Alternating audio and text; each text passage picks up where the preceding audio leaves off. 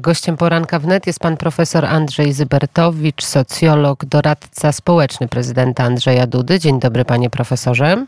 Dzień dobry, słabo was słyszę. Czy możecie podgłośnić się? Staramy się podgłośnić. Czy teraz, panie profesorze, jest lepiej? Nic nie jest lepiej.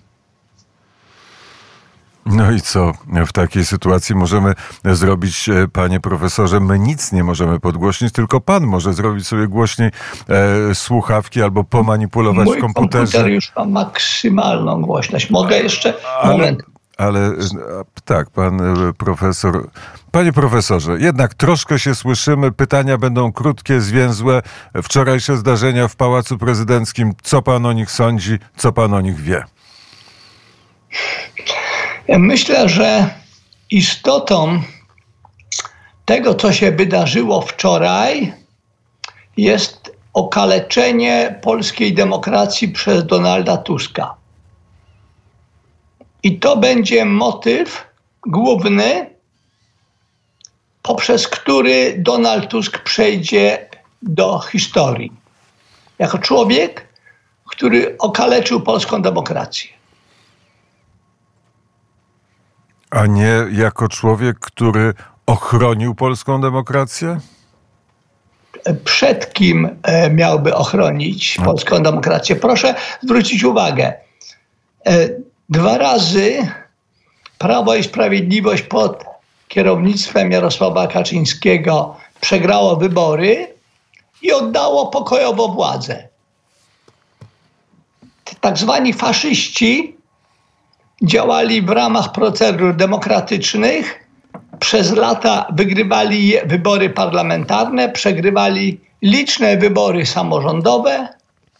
Te wybory, zgodnie z międzynarodowymi standardami, odbywały się prawidłowo. Po przegraniu wyborów w roku 2007 i 2023 Prawo i Sprawiedliwość oddało władzę nigdy nie sięgało po przemoc, że, po fizyczną przemoc, żeby realizować swój program polityczny. Pod tym względem w dziejach wolnej Polski po roku 89 Donald Tusk okazał się innowatorem, doprowadził do okaleczenia polskiej demokracji. Co pan profesor pomyślał, kiedy się dowiedział, że policja weszła do Pałacu Prezydenckiego? Pomyślałem, że e, o ile wiem, Pałac Prezydencki nie jest eksterytorialny, że policja zadzwoniła do szefowej kancelarii, że przedłożyła służbie ochrony państwa na biurze przepustek dokument, którym nakazywał jej dokonanie aresztowania dwóch osób, dwóch posłów i że odbyło się to zgodnie z pewnymi procedurami. Tymczasem w świetle wiedzy przekazanej przez szefową kancelarii Grażyną Bandych opinii publicznej, odbyło się to w trybie no, wyglądającym na przemocowy. Myślę, że w wielu krajach demokratycznych jest zupełnie nie do przyjęcia, żeby policja wchodziła do jakiegokolwiek pomieszczenia, a Pałac Prezydencki poza tym, że jest urzędem publicznym, jest także domem, mieszkaniem prywatnym Andrzeja Dudy i jego małżonki, żeby policja bez wylegitymowania się gospodarzom, których chroni Służba Ochrony Państwa, odważyła się wejść i wyprowadzić gościa tych gospodarzy. Myślę, że w odniesieniu do zwykłego obywatela, gdyby tak policja postąpiła, wyprowadzając kogoś, kto nie jest łapany na gorącym uczynku, uznalibyśmy wszyscy, że mamy do czynienia z poważnym naruszeniem władzy. Sądzę, że w grę tu wchodzi delikt konstytucyjny. Ja nie jestem prawnikiem, ale gdy wczoraj wieczorem wracałem do domu, a mieszkam niedaleko Belwederu, zauważyłem, że że bardzo dużo jest samochodów policyjnych pod pomnikiem Józefa Piłsudskiego, a na wysokości wjazdu do Belwederu stoi przegubowy autobus z awaryjnymi światłami. Pomyślałem, po pierwsze, no tak, prezydent miał się spotkać z panią Ciechanowską, więc policja, żeby nie było jakichś prowokacji, wyjątkowo duże siły ściągnęła, ale nie skojarzyłem tego autobusu. Pomyślałem sobie potem, gdy dowiedziałem się, że on był świadomie tam ustawiony, żeby ograniczyć swobodę przemieszczania się prezydenta, że ktoś, kto wydał polecenie kierowcy autobusu, żeby tam stanął, dokonał deliktu konstytucyjnego. Wyobraźmy sobie, że jakiś podmiot władzy publicznej w jakimś kraju dokonuje blokady możliwej trasy przemieszczenia się prezydenta. A co by było, gdyby w Belwederze wybuchł pożar i trzeba było prezydenta ewakuować w trybie nadzwyczajnym? A co by było, gdyby okazało się, że ogrody prezydenckie, e, które są od strony tyłu Belwederu, zostały poddane atakowi terrorystycznemu i prezydent nie może być przez służbę ochrony państwa błyskawicznie ewakuowany, bo ktoś pozwolił sobie na zablokowanie wyjazdu z Belwederu. Panie profesorze, bardzo dużo w pana wypowiedzi pada e, wielokrotnie słowo służby.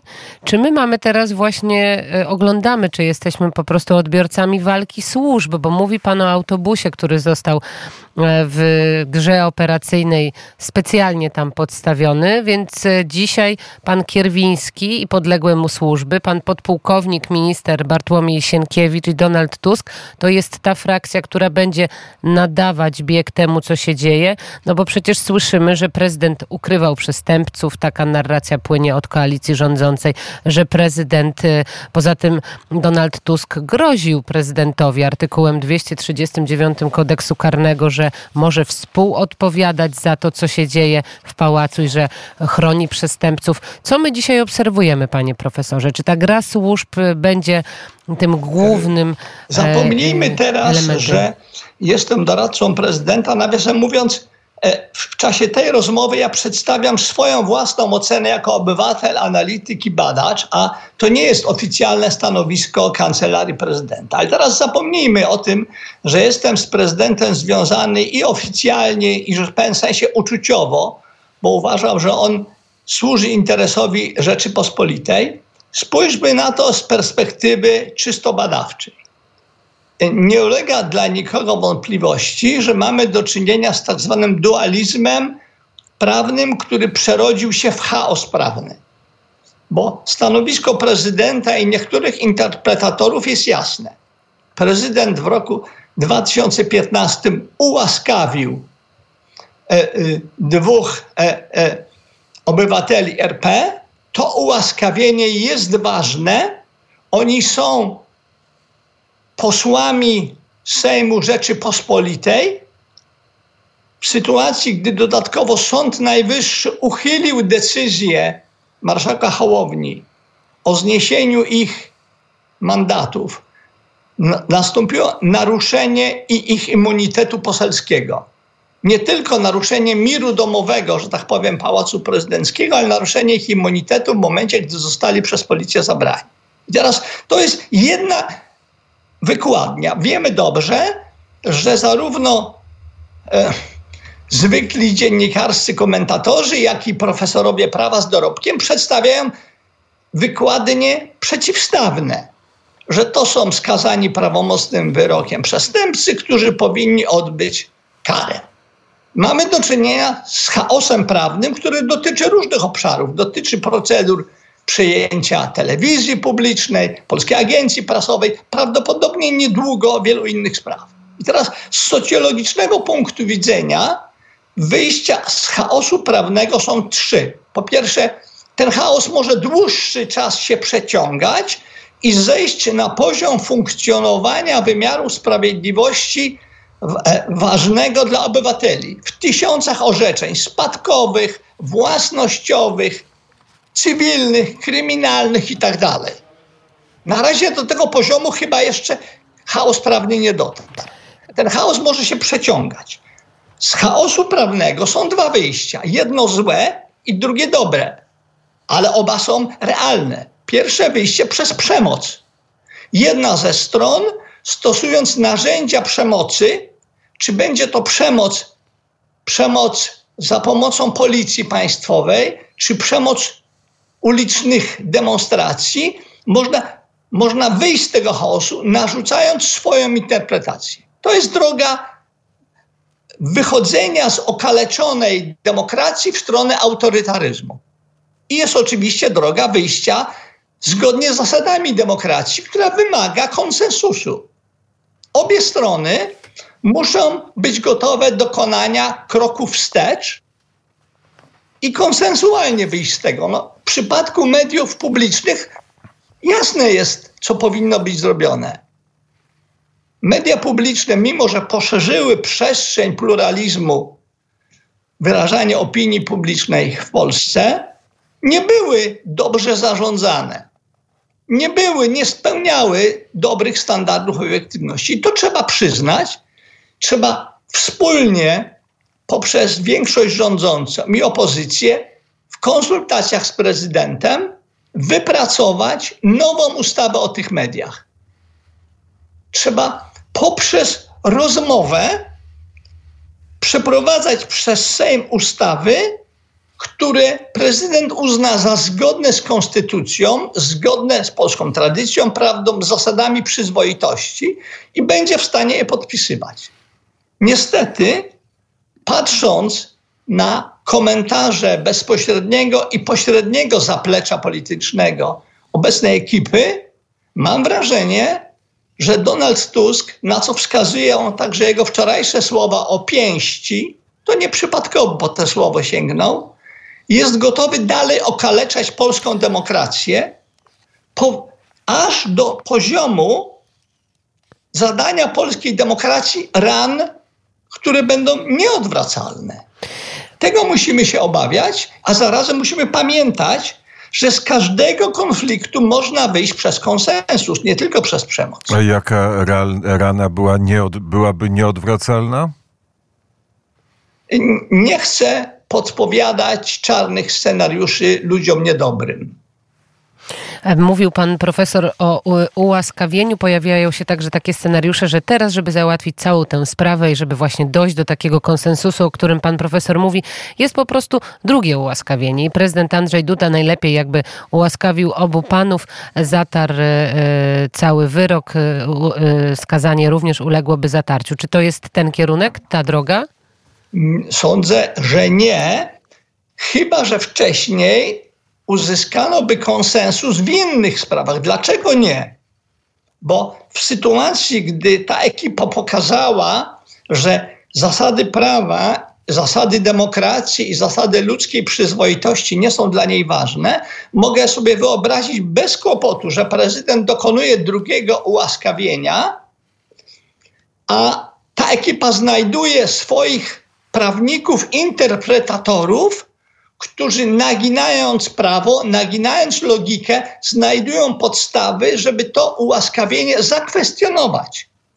Nie, prezydent nie może, moim zdaniem, dokonać drugiego ułaskawienia nie tylko dlatego, że w ten sposób uznałby swoje pierwsze za nieważne, tylko nie może tego zrobić, dopóki nie będzie konsensusu co do przywrócenia w Polsce reguł demokracji. Bo każde są, każdy, każdy dokument każda decyzja prezydenta może być przez służalczych prawników, których nazwiska niektórych dobrze znamy, tak zinterpretowana jako wadliwa, jako ułomna, jako bezpodstawna. Musi, musi nastąpić przywrócenie wzajemnego szacunku dla instytucji państwa. Tylko tyle, że niecały miesiąc upłynął od momentu, kiedy, e, kiedy premier Donald Tusk składał e, przysięgę w Pałacu Prezydenckim o przestrzeganiu prawa, konstytucji i o dbaniu o e, dobro wszystkich Polaków, a teraz jest polityka pięści. Doświadczył tego wczoraj prezydent Andrzej Duda. To jak w ogóle można, jak sobie możemy wyobrazić powrót do tego, do tej rozmowy, do tej spokojnej rozmowy dwóch panów? Ja myślę, że tu mogą być kluczowe dwie rzeczy. Po pierwsze, aspekt komunikacyjny jutrzejszych manifestacji. Jeśli jutrzejsze manifestacje będą liczebnie słabe, to dla Donalda Tuska będzie sygnał, że może pozwolić sobie na dalsze łamanie konstytucji. Po drugie, bardzo ważna jest postawa tych Polaków, którzy w ostatnich wyborach nie głosowali na Prawo i Sprawiedliwość i głosowali albo na ekipę Tuska, albo na trzecią drogę, albo na lewicę, szczerze wierząc w to, że, no, że ta nowa władza przywróci prawo. Ci Polacy, którzy w dobrej wierze szli w marszu pod rondo Radosława ujęci biało-czerwonymi serduszkami na koszulach działaczy Platformy. Ci, którzy szli pod rondo Radosława jako symbol walki o Polskę wolną, niepodległą, którzy uwierzyli w to, że trzeba odsunąć od władzy ekipę ułomną, bo teraz będą uczciwi. Ta władza będzie działała według uczciwych reguł. Mają sygnał do namysłu. Powinni wszystkie działania ekipy e, obecnej koalicji przemyśleć i powinni zastanowić się, czy nie należy odmówić poparcia i parlamentarnego, i obywatelskiego ekipie, która zawiodła zaufanie tych, którzy myśleli, że będą mieli do czynienia z władzą praworządną i propolską. Panie profesorze, na myśl mi przynajmniej nasuwa się i pewnie też wielu komentatorom. Proszę e, mówić trochę głośniej. Że na myśl nasuwa się nie tylko mnie, ale też wielu komentatorom to, co działo się, albo przynajmniej zaczynało się dziać, e, kiedy prezydentem był Lech Kaczyński. Mówię o takim upokorzeniu albo chęci dużej upokorzenia przez, e, przez premiera Donalda Tuska, prezydenta Andrzeja Dudy. Wtedy też obserwowaliśmy taką politykę wstydu. Ten konflikt narastał pomiędzy Pałacem Prezydenckim a kancelarią premiera. Czy panu profesorowi wracają trochę te obrazki z tamtego okresu dzisiaj? No, to jest do, dla każdego, kto patrzy na historię w taki sposób, że nie zamyka oczu na trudne wydarzenia i chce z tej historii wyciągać wnioski, to jest oczywiste. To jest to jest niezdolność, to jest potwierdzenie kolejny raz niezdolności Donalda Tuska do działania w warunkach kohabitacji. Demokracja to sytuacja, w której godzimy się z jednej strony na trudną współpracę, często koalicyjną.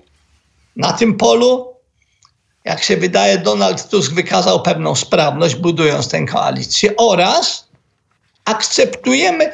Powtórzę ten frazes, który krytycy Prawa i Sprawiedliwości w kółko powtarzali przez te lata, ale którego nie odnoszą do siebie. Że demokracja są to rządy większości, tak, obecna koalicja wygrała wybory, miała prawo powołać rząd, jest to rząd legalny z punktu widzenia jego genezy, ale demokracja są to rządy większości przy poszanowaniu praw mniejszości. Otóż urząd prezydenta wyraża interesy tych ponad 10 milionów Polaków, którzy na prezydenta Andrzeja Dudę głosowali. I tu nie chodzi tylko o osobę i godność samego urzędu prezydenta, tylko o sygnał dla milionów Polaków, którzy głosowali na Andrzeja Dudę, dla milionów Polaków, którzy głosowali na Prawo i Sprawiedliwość.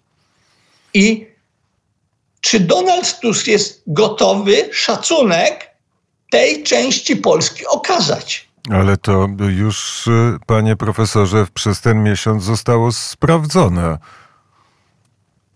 Jako człowiek wychowany w formacji chrześcijańskiej, wierzę w to, co Józef Ratzinger, teolog, który został papieżem, nazywał czarem nowego początku. On napisał w kontekście święt Wielkiej Nocy, w kontekście zmartwychwstania. Czar nowego początku polega na tym, że człowiek otrząsa się ze zła, którego dotyka, które próbuje do niego wtargnąć i idzie dobrą drogą. Nie wykluczam, że takie otrząśnięcie może przydarzyć się także dziecięciu Bożemu, którym prawdopodobnie jest Donald Tusk. A nie jest tak, że Donald Tusk po prostu realizuje pewien scenariusz, z którym przyjechał z Brukseli. Na końcu drogi ma być centralizacja e, Europy, a po drodze za zgodą Komisji Europejskiej, Parlamentu Europejskiego robi to, co robi, bo nie słyszeliśmy żadnego e, pytania ani żadnego zwątpienia ze strony Unii Europejskiej czy ze strony Brukseli po e, tym, co Donald Tusk zrobił z mediami publicznymi ani po tym, y, co tak, zrobił. Z... Ale nie wykluczam, że jest dokładnie tak, jak pan mówi, ale Donald Tusk lubi fotografować się z psem albo kotem i lubi mówić w czuły sposób o swoich wnukach. Nie wiem, czy to jest tylko na pokaz, ale nawet jeśli to jest tylko na pokaz, to tak samo jak Marsz pod Rondo Radosława jest to zachowanie w sytuacji, gdy hipokryzja oddaje hołd cnocie. Niech Donald Tusk zastanowi się nad tą częścią swojej osoby, którą próbuje komunikować uczciwym rodakom. Lojalność wobec bliskich, wobec dzieci wnuków, troska o zwierzętach, które się wzięło pod opiekę i odpowiedzialność przed naszymi przodkami, którym zawdzięczamy wolność. Panie Myślę, że Donald Tusk nie jest kompletnie wypłukany, pozbawiony wrażliwości na te wartości. Więc nawet jeśli realizuje jakiś wredny plan jakichś grup interesów z Unii, bo Unia nie sprowadza się do tych, którzy mają interesy w jej centralizacji. Unia jest bogactwem nadziei wielu narodów naszego kontynentu. Także jest tym bogactwem, ale także jest kłębowiskiem y, rozmaitych cynicznych grup interesów. Każdy z nas w życiu musi dokonywać wyborów, po której jest stronie. Donald Tusk na razie dokonuje błędnych wyborów. Przejdzie do historii jako ktoś, kto okaleczył polską demokrację, ale z tej niedobrej drogi może jeszcze zawrócić. To jest e, prawda i ta nadzieja jest istotna. Mówił pan profesor o tym konsensusie, ale dzisiaj o 11.30 ma być wygłoszone przez prezydenta Andrzeja Dudę oświadczenie. Jesteśmy bardzo ciekawi, co w tym oświadczeniu będzie. No i pojawiają się różne scenariusze. Od y, tego, żeby prezydent Andrzej Duda wprowadził stan nadzwyczajny albo stan wyjątkowy, y, po y, rozpisanie nowych wyborów, panie profesorze. Oczywiście mówię to w kontekście pracy nad ustawą budżetową i ewentualnym skierowaniem jej do Trybunału Konstytucyjnego. Jakie pan scenariusze realne Mamy widzi? tylko trzy scenariusze pogłębiający się chaos, pójście, roz, wyjście z chaosu w stronę przemocy, autorytaryzmu i wyjście w, z chaosu poprzez konsensus w stronę odbudowania podstaw demokracji. Prezydent Andrzej Duda jest po stronie demokracji. I dlatego napiszę list do rozmaitych organizacji międzynarodowych i do przywódców e, świata na temat tego, co się... Nie wiem, co, an, nie wiem, co będzie w tym liście. Wiemy na pewno, ja że będzie łamanie polskiego ja prawa i konstytucji. To zwróciłbym uwagę, że w urzędzie prezydenta jest kancelaria tajna, w której są dokumenty natowskie. Są specjalne systemy łączności. I ci, którzy polecają, żeby policja łamiąc procedury, na teren takiego urzędu wchodziła, postępują bardzo nieodpowiedzialnie wobec naszych natowskich sojuszników. Ale wobec natowskich e, sojuszników e, nieodpowiedzialną postawą jest e, doprowadzenie do tego dwupodziału, do tego podziału Polski, do tych manifestacji, do rozchwiania wschodniej flanki NATO, najważniejszego państwa NATO, jakim jesteśmy tuż przy granicy z Białorusią, tuż przy granicy, czy tuż przy granicy Ukrainy, gdzie toczy się krwawa wojna.